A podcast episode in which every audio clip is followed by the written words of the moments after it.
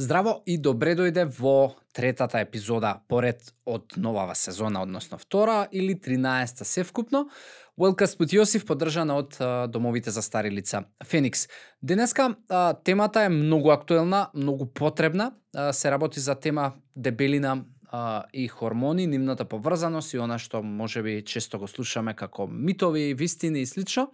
И а, гостин во денешната епизода е Сонја Пановска, која што е магистар по јавно здравје, вработена на, на клиника за ендокринологија и едукатор а, на лицата со дебелина, диабет, и а, остеопороза. А, опфативме доста прашања, теми а, кои што сигурно ќе ти донесат вредност, така да уживај во а, овие 50 на минути. А, подкастот можеш да го следиш на Google подкаст, на Apple подкаст, на Spotify, на YouTube, на социјалните мрежи ќе ме најдеш, така да а, биди проактивен или проактивна, остави некој коментар, прашање и се разбира, искомуницирате ја Сонја доколку ви е потребна а, дополнителна помош и насоки и доколку се соочувате со а, нешто слично. Уживајте.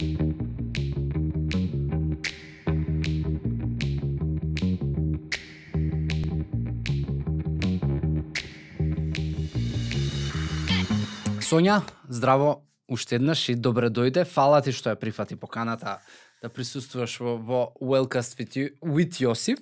Uh, епизода ни е ова, трета поред, сезона ни е втора. Uh, горе доле веќе знаеш како изгледаат епизодиве, што правиме и како правиме и сум сигурен дека ќе имаме супер uh, супер разговор и уште повеќе одлична тема која што верувам ќе помогне кај многу луѓе кои што денеска ја, ја живеат можеби темата за жал која што ќе ја зборувам или можеби ќе ќе ја доживеат затоа што сме свесни како како изгледа денес светот во однос на дебелината. Така, се фала на твојата покана. А, секако не можам да одбијам доколку се разговара за ваква актуелна тема да се представам. Јас сум Сонја да, Пановска. Заедницата, знаеш, да, е важно да, да, да, да знае која си и што правиш. Така, јас сум Сонја Пановска, едукатор, промотер, магистар по јавно здравје, работена на клиника за ендокринологија, диабетес и болести на метаболизмот. Кога разговараме сега за актуелнава тема, тоа е дебелина, може да кажеме дека тоа е една актуелна тема која што ја зафаќа не само нашата држава, туку општо, глобално, целиот свет, се справува со една голема јавноздравствена проблематика, а, така што во 2020 се регистрирани околу 650 милиони пациенти со прекомерна тежина и со дебелина. Е се знаеш што? Што е прекомерна тежина и дебелина? Ајде од таму да почнеме, затоа да. што а, сигурен сум дека и ти го знаеш тоа и перцепцијата општа генерална така. е кај луѓе дека знаеш кога имаат 5 до 10 килограми вишок, знаеш, многу и не се не се оптеретуваат ради тоа што толку е тоа многу застапено да так. веќе со 5 до 10 си као дури и во здрави а, личности спаѓаш. Што значи покачена телесна тежина и еве прекумерна тежина и овие 650 милиони кои што ги спомна. Така. Значи главен индикатор за појава на ова прекумерна тежина е одредувањето на body mass index, односно индекс на телесна маса. Тоа се пресметува килограм врз метар квадратен. Има некоја, по според Светската здравствена организација, има некои мерила кои што укажуваат која е нормална тежина, која е прекомерна тежина, која е дебелина, односно обезност тип 1, 2 и 3. А од 18 до 25, значи според тежината и висината, се смета како нормална тежина, односно индекс на нормална телесна маса. На 25 до 30 е прекомерна тежина, mm -hmm. а над веќе 30 до 35 е обезност тип 1, на 35 е тип 2, потоа тип 3, морбидна обезност која што бара посебен третман.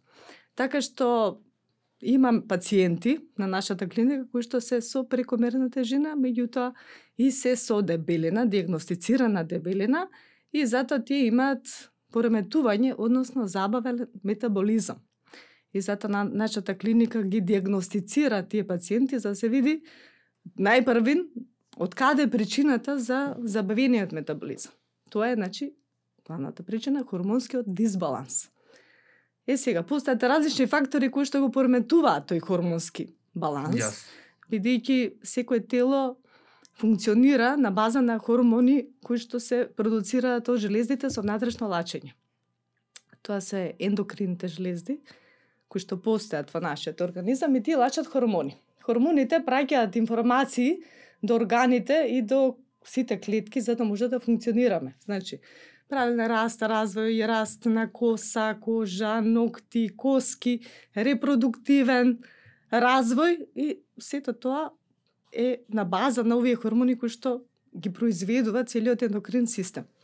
Доколку постои, значи, пореметување, односно некој надворешен фактор, дали е генетика, дали е стрес, како една од најосновните причини за појава на тој хормонален дисбаланс, тогаш постојат а, периоди кога има зголемено лачење на тие хормони и намалено лачење. И како резултат на тоа се забавува метаболизмот на човечкиот организам. Забавување на метаболизам еве чисто како, знаеш, многу често го слушаме и луѓето го, знаеш, и го користат во во секојдневна терминологија, нели разговори за а, како изговор еве зошто јас имам вишок на килажа.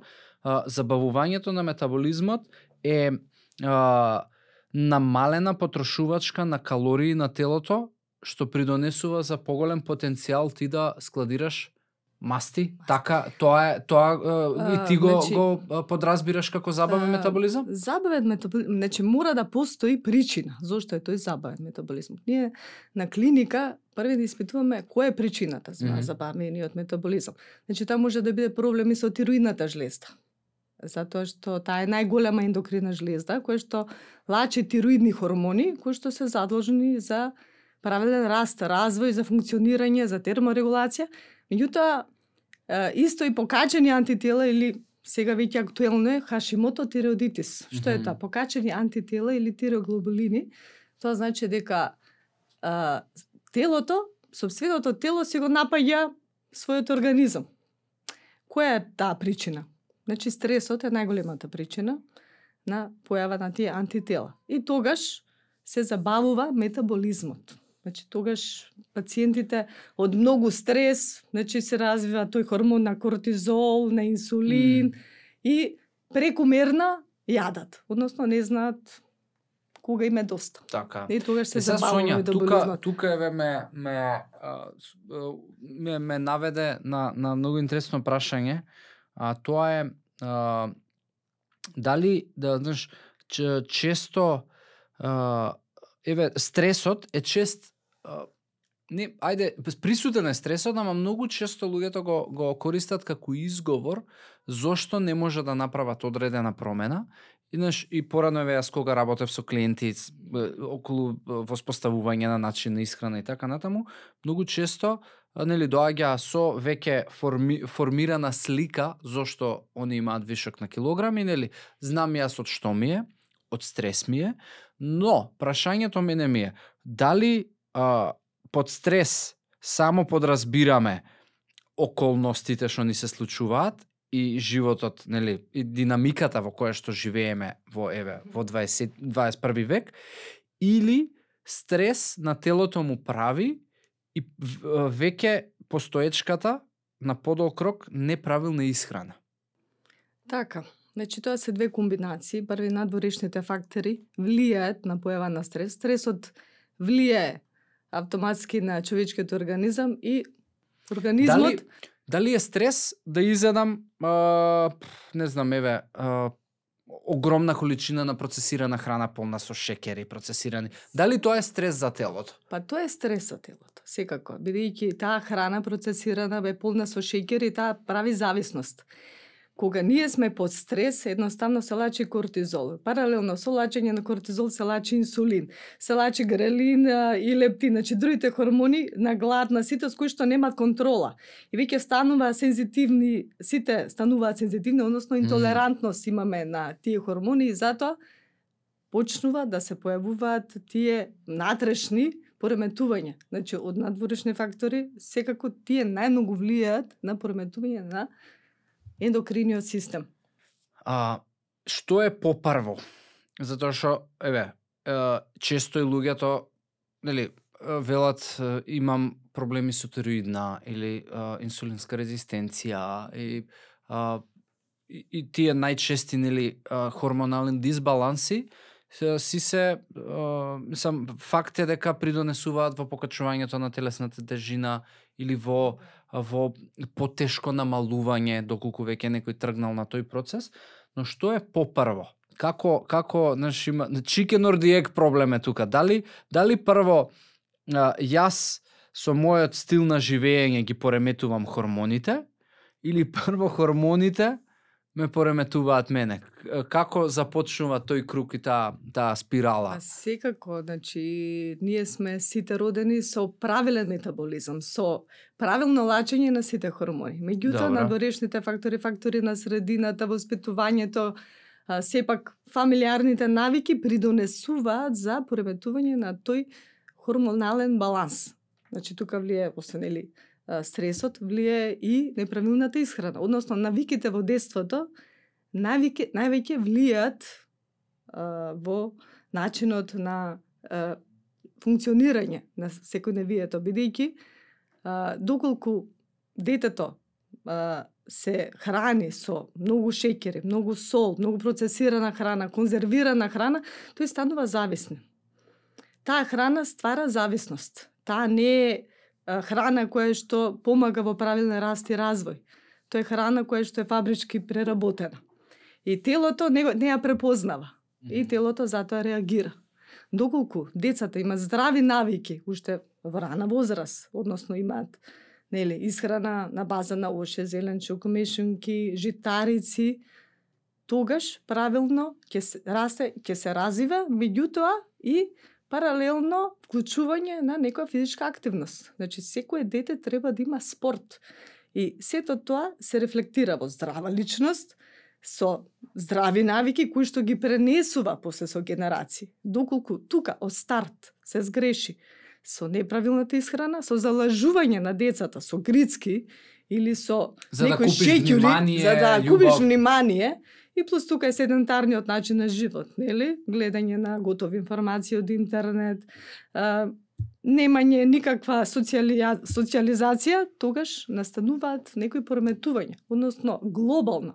Ова е проблематика не само кај нас. Да, да, јавно проблем- здравје е ова Значи, ова е проблематика. јавно здравствен проблем. Ова е глобално, во целиот свет, кај што луѓето а, сега не можат ни да си помогнат веќе, бидејќи работат сите фармаколошки компании како да дојдат до е, по, до подобрување на овие состојби кои што веќе се настанати. Значи тука се веќе и ризиците со дебелината, кардиоваскуларни, неуролошки, пота проблеми со е, полицистични јајници, наша патологија, е, значи тиридна жлезда, коронарни болести, хипертензија, покачени масти во организмот, значи веќе во возрастна доба се појавуваат тие компликации. Така што светот денеска е, генерално се соочува со проблематика со дебелината, не со со глад.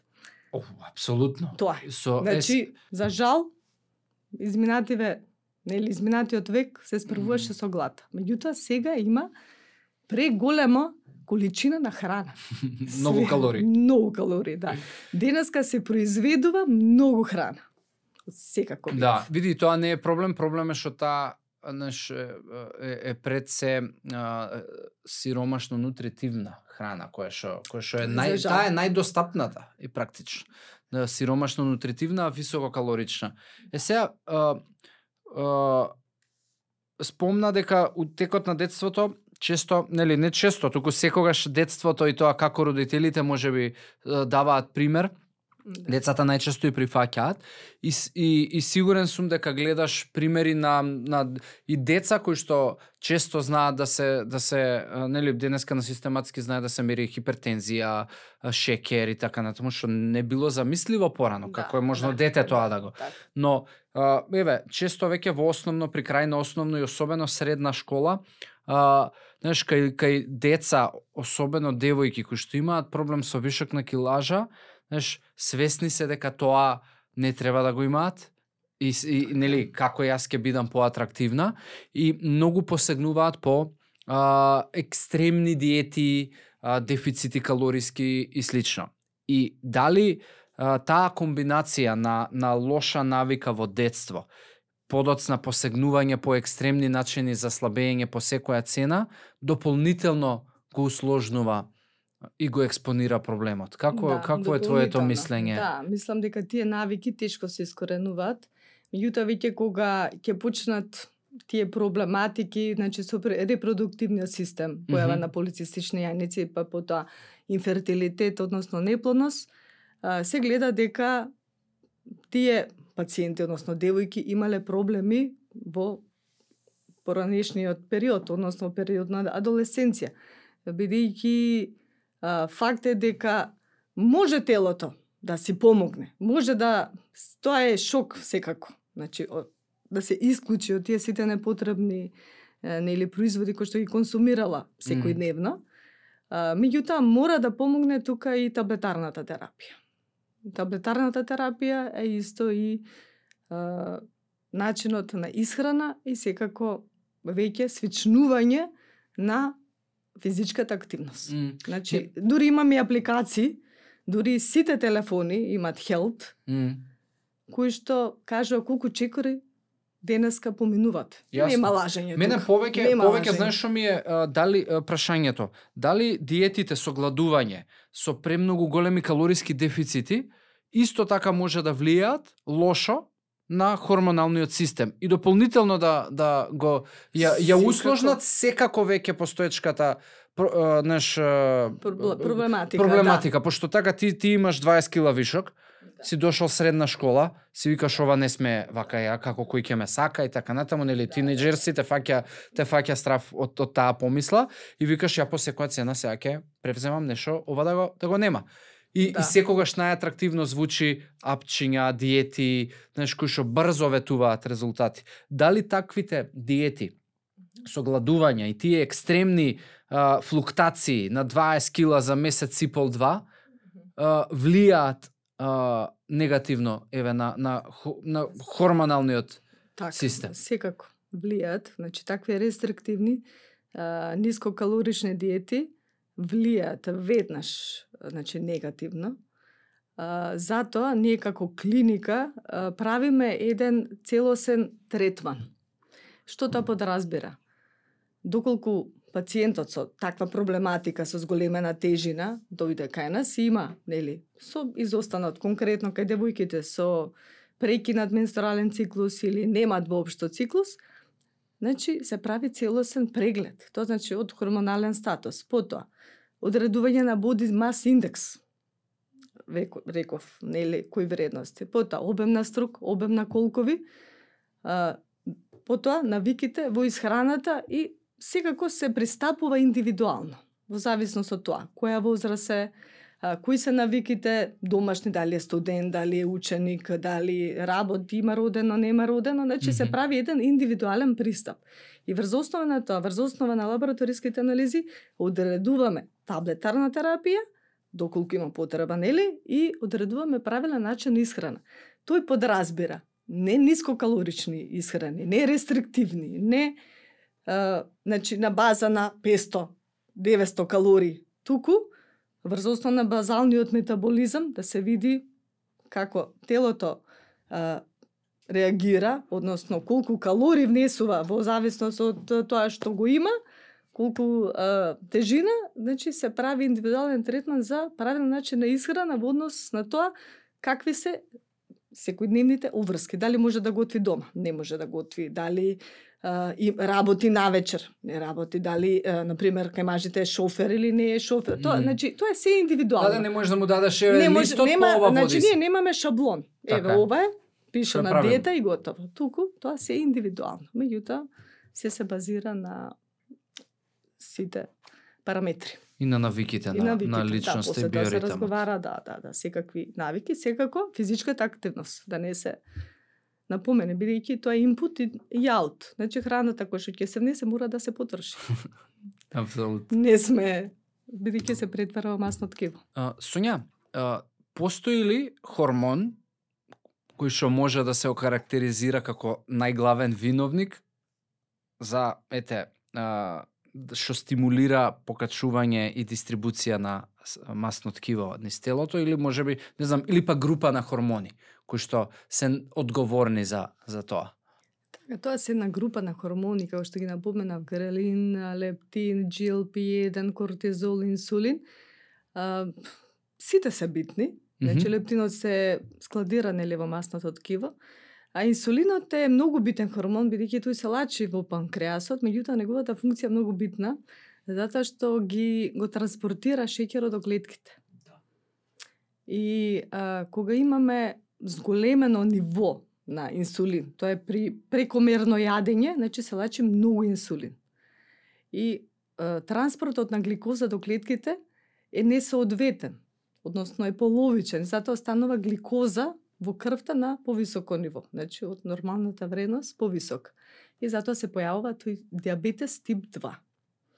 И правиме секако тестови, значи симулираме еден внес на хиперкалорична исхрана со гликоза 75 грамска и се гледа колку е нивото на инсулин пред јадење, после саат време и после 2 сата. И врз основа на тоа исто правиме индивидуален пристап. Мгм. А, а, Инаку битни се сите, да, постојат секако група на хормони кои што А што конкретно еве ди- ди- диабет е можеби нај најсреќаваното нешто кое што секојдневно го гледате на ендокринологија. А, како изгледа најчестиот шаблон како луѓето доаѓаат до диа, до овој диабет тип 2? Да, постоја Што значи што еве така како изгледа еден процес, чисто за знаеш затоа што кога луѓето знаат како изгледа еден процес, и стануваат посвесни, знаеш таа сама свесност можеби ќе им ќе им помогне да м, кога ќе осетат ете дека е, знаеш им фаза 1 ова ти се случува, фаза 2 ова ти се случува, знаеш да да можеби у фаза 1 ќе им текне да кренат рачни и да превземат нешто. Пошто најчесто кај вас доаѓаат веќе у фаза кај што нели кај што Да, да. треба и терапија. Како да како изгледа создавање на на диабет тип 2 и како да не дојде до човек до до терапија? Така. Значи, кај нас доаѓаат пациенти кои што се значи со некои симптоми, како што е а, преголема жет, пиење на вода, а, ноќно мокрење, а, сува уста, слабење, тоа веќе е кај тип 1. Значи, кога пациентот е зависен од инсулин, односно панкреасот повеќе не лачи инсулин. Кај тип 2 а, доаѓаат претежно обезни пациенти, значи со прекомерна тежина, меѓутоа имаат покачен инсулин. Тука е неправилниот начин на исхрана. Тука е нај, најмногу задложен а, тој стил на живење секојдневен. А, со рутинска контрола. Значи, едноставно се чувствува заморно, нема волја за живот, едноставно чувствува исто жет, малаксалост и тогаш доаѓаат да проверат дека нешто се случува.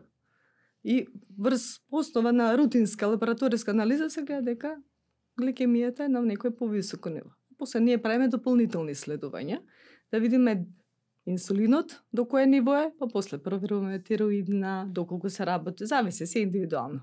Зависи докторите како Јасно. да ќе А зашто дебелинава е најголем а, причинител на на диабет? Што толку му прави на на панкреасот еве? А, дебелината. Па, знаете што, а, кога има зголемено лачење на инсулин, при прекумерен внес на храна, тој веќе не може да го транспортира шеќерот до клетките. И тој останува висок. И самите самите крвни садови од многу висок висока гликемија, висок Мгм. шеќер во крвта предизвикува висок притисок, замастен црн дроб, замастени параметри, липиден статус, така што сепак дебелината е искрено виновник. И Да. Целиот... И можеби не толку дебелината, колку што те разбрав, туку навиките кои што ти ја носат дебелината, да, а тоа е да, преголеми дотури на калории сиромашни, нели, со многу шеќер и, многу и шеќер, заситени масти, Да, да. а, прават го малтретираат цело време Го панкреасот. малтретираат панкреасот да произведува инсулин, меѓутоа со тек на време тој повеќе не може да произведува нормално. Друже, затоа Јан, до тука. и до не може. тука не може веќе да произведува, би тука настануваат проблеми.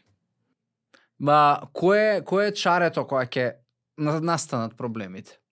Така, од затоа што, знаеш, жалосно е да да, да се да, знаеш, луѓето да, да а, решението да го гледаат во а, боцкање инсулин доживотно.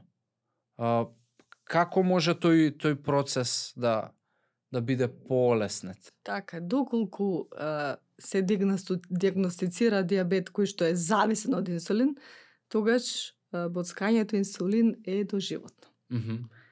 Тогаш резервите се потрошени. Меѓутоа, кај тип 2 се уште има некои резерви.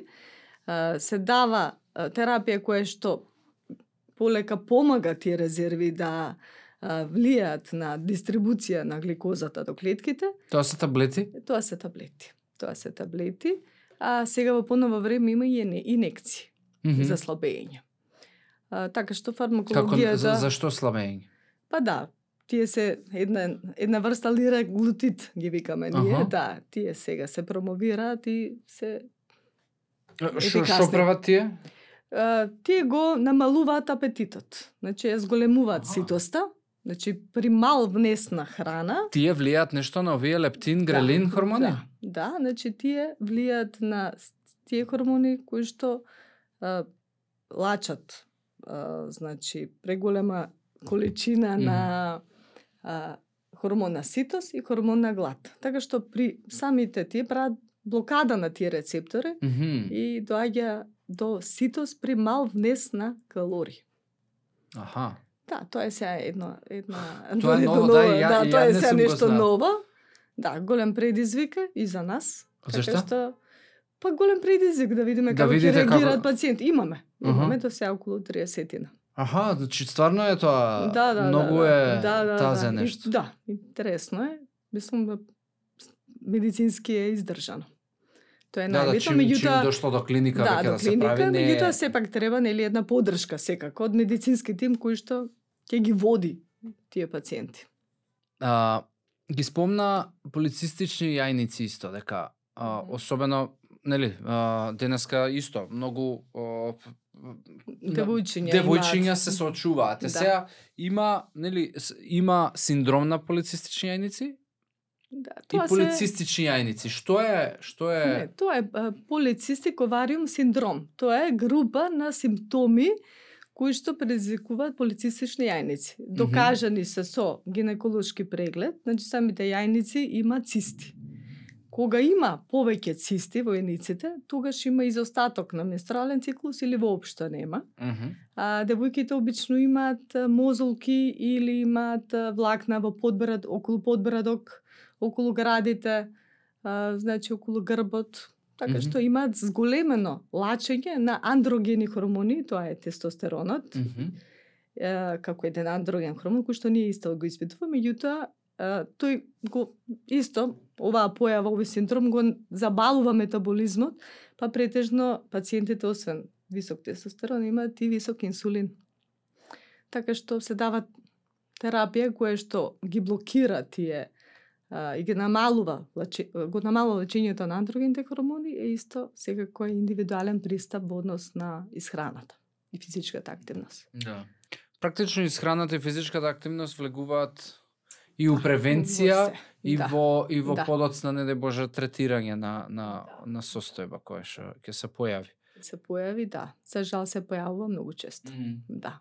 Мислам, А дали ја каква ти е каква ти е а, еве тебе перцепцијата во смисла а, дали луѓето кои што еве ќе ќе се здобијат со одредена состојба а, таа состојба ги потикнува да да конечно одлучат слушај, стварно морам да сменам у животниот стил нешто или понатаму се уште им оди тешко?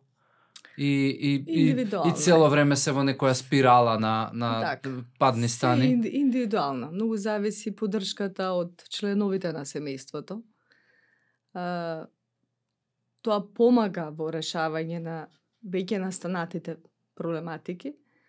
А, кај некој нема резултати и веќе кога оди Се се и јас сум со проблем. И многу други алтернативи. Веќе кога доаѓа до некоја фаза на дебелина, трета фаза, четврта фаза, подигнуваат на оперативен зафат. бидејќи не можат, нели, кога не можат веќе фармаколошки да се справат, кога не можат со физичката активност, со диетите, постојано мислам дека им е тоа измачување, бидејќи се многу зависни од тие шекери, многу процесирана, конзервирана храна, веќе се откажуваат и решаваат кон бариатрика. Mm -hmm. Е, Да, Што, да, е, кое е твоето мислење за баријатрика или за они гастричен балон? Да, да, да. Значи има има можности. Во нашата држава гастричен балон се поставуваат на абдоминална хирургија, а надвор од државата и гастрик слив. Тоа е поинвазивна метода со општа анестезија, лапароскопски е. Тука веќе отстрануваат две третини од желудникот. Мгм. Значи, јас лично сум присуствувала. Мгм. Во Италија бевме на една едукација пратени од работа и сепак тоа е една подршка, освен фамилиарна подршка пред почеток на интервенцијата, тоа е подршка од една група на исто такви обезни пациенти кои што се решаваат на таков подвиг. И сепак таа тоа здружение има соработка со медицинскиот тим. И им ги кажува последиците, им ги кажува можностите, сепак да бидат спремни. А што е по поголемо можностите и, и или или Можностите или за да опасно? осламнат 20-30 килограми, бидејќи сепак и пред оперативниот зафат тие мора да бидат на некој построг диетален, режим. диетален построг режим, за да може да биде успешна операцијата. Меѓутоа се прават повеќе анализи. Значи од гастроскопија, од компјутери, од рентген М. на гастроинтестинален тракт за да се види значи каква е функцијата. Не секој е подложен, значи не секој е потенцијален а, нели пациент за таков зафат и се, секако на запад тоа е веќе секојдневие. А, луѓето се повеќе се решават, меѓутоа мора да се направат првен сите клинички медицински постапки за да се направи таа интервенција. Во нашата држава се става балон, гастрик балон. Да, исто таа е полесна метода. Меѓутоа и после ставањето на тој балон, сепак треба пациентот да биде пак на некој режим на исхрана, односно правилен начин на исхрана. Не со рестриктивни диети, туку како правилно да се исхранува. Со исфрлање на сите овие, нели? Ова ова само Непотребни- ти помогне да можеби количините не ги претеруваш, ама тоа не значи дека ајде се Па и психолошки делува И многу. да, многу пласибо плюс психолошки, има пла- тогаш. Да, да. Психолошкиот момент е најбитен. Значи, Е сега, да, а, а дали, знаеш, еве се затоа што и мене ми е новина ова што, што го спомна пред малку со со терапијата која што ја давате за да ги блокира рецепторите на на овие леп, на на хормони. Дали можеби таа ќе ќе стане нешто што ќе ги замени овие а, хируршки зафати и ќе се покаже Па, ќе како поуспешно ќе нешто. видиме, ќе видиме. Се уште ново да се каже, меѓутоа сега за сега има некој успех. Мгм. Меѓутоа сепак ќе кажам битна Треба големи бројки и време. Треба бројки време и поддршка. Значи, од медицински тим, поддршка, фамилиарна поддршка, е соочување со реалноста, соочување на оние сите нус ефекти кои што се соочуваат првично првите две-три недели. Значи се е тоа прифаќање на актуелната состојба. Јасно. Ако ја прифатиш, ќе има резултати. Ако не ја прифатиш, секако ќе наоѓаш милион решенија за неуспех. да. Да. А, тироидна исто така е нешто што ги а, ги става да речеме на страна од од еве диабетот кој што е а, број еден. А, па, па и па и диабетот е практично и, и в, еден од најголемите причинители за смртност. А, нели, пошто како како составен дел еве, не знам дали е, Да. знаеш, дали го рачунаат како дел од кардиоваскуларните проблеми затоа Така, што диабетот да. по автоматизам ги носи. А, али е голем убиец на, на човештво у 21 век. А, каде е на тоа а, а, нема да те прашам што е пострашно со тироидна да имаш проблем или или диабет, али али еве ќе те прашам, постои ли некое такво а, Па видете. Сега, значи Знаеш, и со тироидна и тироидна, со бе- тироидната има различни проблеми, нели? Ја, Да, јасно да, е. да, да, а, да, да. но но ти барем чисто овака, значи јас сакам ам, а, по по а, а, народски речник да да. користиме за да може да биде разбрана нели и од Да, и од да, заедницата и Сега од збориме за публиката. диабетес тип 1 или тип 2? Не, тип 2. За тип 2, да. А, значи, кај едниот и кај другиот а, нели, е, синдром, постои забавен метаболизам. И, и кај едниот, и кај едната и кај другата појава постои и потребна е таблетарна терапија. А, не можам да кажам што е полесно. Значи, а, симптомите се секако Слични. горе-доле слични. Ти се јаде, не си значи, наеден. Тоа е кај е, хипотиреоза и кај хашимоти имаме кршлива тенка коса, кршење на ноктите, сува кожа. А, едноставно јадење на прекомерна количина на храна и кога ќе се открие се примаат тие нели тироидни хормони, меѓутоа во најновите истражувања се вели дека тука па глутенот многу влијае. Мгм. Така што се препорачува да изфрлување на производи кои што имаат глутен. Затоа што денешнава индустрија Во си- многу става. Да, многу во, зборуваме има. во ситуација за Во однос со- на исхраната. Во исхраната, не исхраната. за за глутенот смета во кога некој има проблеми со со тироидната. тироидна. Да. Тоа е сакам. Да, да. Тоа се најновите истражувања, аз ги пратам, читам, Мгм. така што се препорачува тоа да се избегнува, нели а, се и се што се чита на интернет, што смета на тироидната жлезда, дека броколи, кејн или блитва, зелјестите производи, дека сметаат. А, овие медицински истражувања кажуваат, значи, не целосно исклучување, туку повремено консумирање, наистина. Мгм. А Тоа е во однос на тироидната жлезда, инаку се лечи, луѓето живеат најнормално со пореметување. Мислам, тоа е веќе кој ќе се вратиме до метаболизмот во нормала, после тоа најнормално јадат, меѓутоа припазуваат на на запад, Мм. припазуваат на овие намирници со глутен. А кај нас многу се јаде глутен, многу.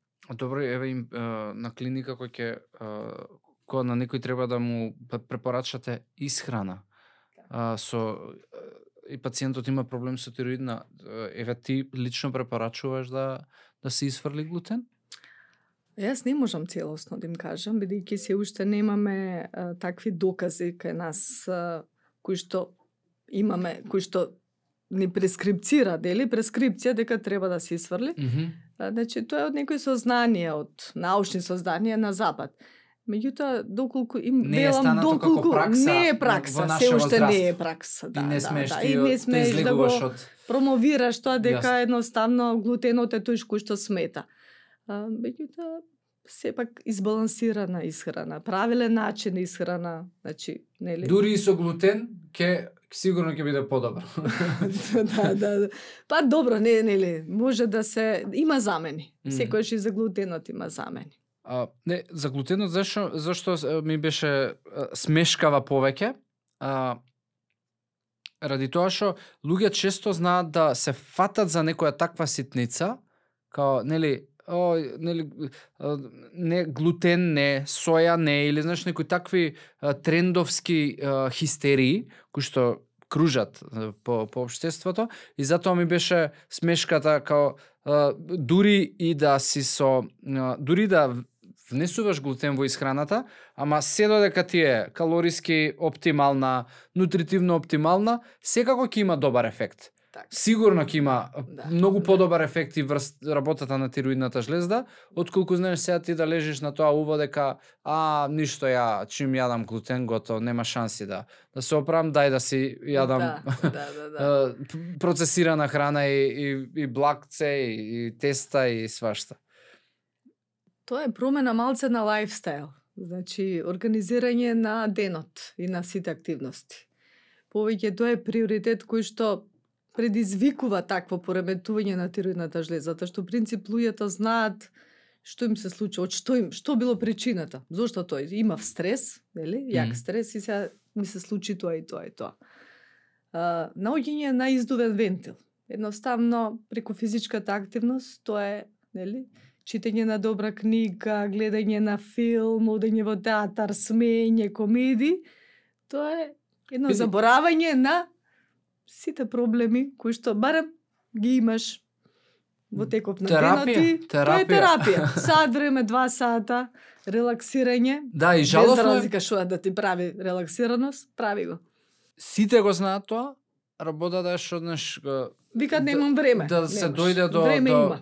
Има, време има време. Не е изговор, немам време. А, како а, твојот ден изгледа? Од прилика, знаеш, затоа што еве ти си човек кој што многу често се среќава со дебелина, со проблеми со со хормони и имаш идеална ситуација во која што можеш да речеш е има и полошо, гледај какви се ја Да, не сум толку да. страшна. Да. Знаеш, од друга страна кога си на работа сите сме дел од некаква заедница на луѓе во која што нели некај секого навиките се добри па Така. ќе си подложен на искушенија за благо, за процесирана храна, за за многу шекери и така натаму. Како тебе ти изгледа еден ден, како ти ус, успеваш еве да се да се справиш да не отидеш во група на на а, прекумерна тежина Так, може. Така.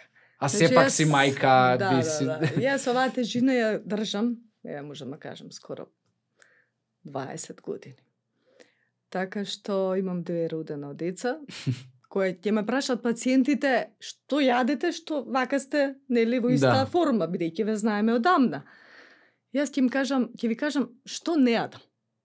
Бидејќи листата на тоа што јадам е поголема од листата на таа што не јадам. Е па што не јадете? Значи, не пијам газирано, не пијам кока-кола, не пијам сладки сокови, цедам сокови. А, не јадам а, значи грицки, тоа не ми е основна храна. Грицки, соленки, чипсови, благи работи, само во исклучителни ситуации кога има роден ден и прослави. Мгм. Инаку не ми е секојдневие. Друго, не јадам таква процесирана, конзервирана храна, не јадам. Паштети без разлика какви, не јадам паштети. Леп не јадам. Значи, доколку јадам леп, правам или домашен, значи од многу семки, од многу семиња, од многу житарици. Таков, такви, таква ми е исхраната. А бел леп не ја користам. Бели пецива, гевреци, лиснато, тоа не јадам. Бурек, симит не јадам. Едноставно, јам кажано стоп. Тоа го пренесувам и дома. И моите домашни истото тоа го прават. Браво.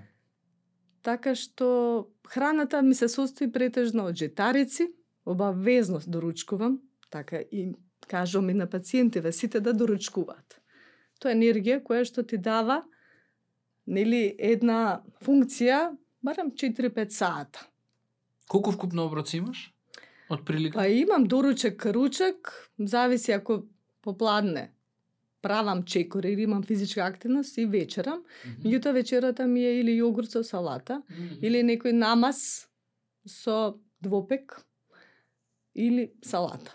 А, доколку Значи три оброци секако ги секако да овоше јадам, правам смути со многу а, семки и со мешано овошје. Користам многу замрзнато овошје, житарици, тоа ми е за доручек. Обавезно. Житарици дури ги навикнав и колешките да јадат житарици на доручек. ги Браво. Сите сме топ. да, да, ја та мислам можам да потврдам. Може да потв- да, Можам може да, да, дека дојдете слободно да видите сликата дека таква. Да, не е, значи да. дури е Да. и, и за поздрав е, затоа што стварно е да. што многу често се среќава во Да. во установа медицинска да да А доколку да имаме изгледа. частење секако, значи има поводи на частење, на благо јадење, секако тоа се консумира, се ужива, значи многу е битен моментот на уживање, на социализација, а малце утредента сме после на порестриктивна исхрана, така балансираме. да. А да физичката активност рече ти е ти си пешачиш често? Пешачам, М? Да, пешачам, значи гледам на хелт да направам до 10.000 чекори. Тоа и така им практик им советувам на сите, барам 30 минути дневно пешачење. Нели користење на скали, на место лифт, точак на место кола. И зависи од временските услови. Некогаш вежбам, некогаш не, зависи. Зависи, меѓутоа практикувам Битно имаш да континуитет. Имам континуитет, самата работа е Јасно, физичка. Физичка. Веќе не е седентарна. Супер Сонја, баш баш ти фала за ете си направивме убав Да. на разговор. Мислам дека знаеш оваа тема стварно било која тема само диабет да земеше е Да, многу да, да. огромна тема и и не може човек се да опфати, но во секој случај ја верувам дека барем малку ете поттикнавме можеби некој да да а, си си аплаудира за можеби добрите навики, некого поттикнавме да да превземе нешто Да ако превземе ако оди у погрешна Точно. насока. точно. Еве се надевам ќе имаме прилика да да се дружиме и повторно на некои подкасти емисија и да да зборуваме повторно еве за за некои новини како што еве денеска и мене ми беше новина ова со со а, а, лекот или како да го наречам кој што го тестирате. Така, фала на поканата. Мило ми беше да бидам твој гостин. Секако овие теми се актуелни и се надевам дека ќе допринесеш нели во твојата популација да превземе нешто за подобар лајфстайл, подолг живот и поквалитетен живот. Ја не сум одговорен за, знаеш, секој за себе ќе дека превземе, ама ама мо, Ќе влиеш. да, Ќе влиеш колку Верувам, толку, затоа и го правам. ќе влиеш. Да. затоа го правам. Фала Супер. Сонја, фала ти и се гледаме следен пат. Се најубаво.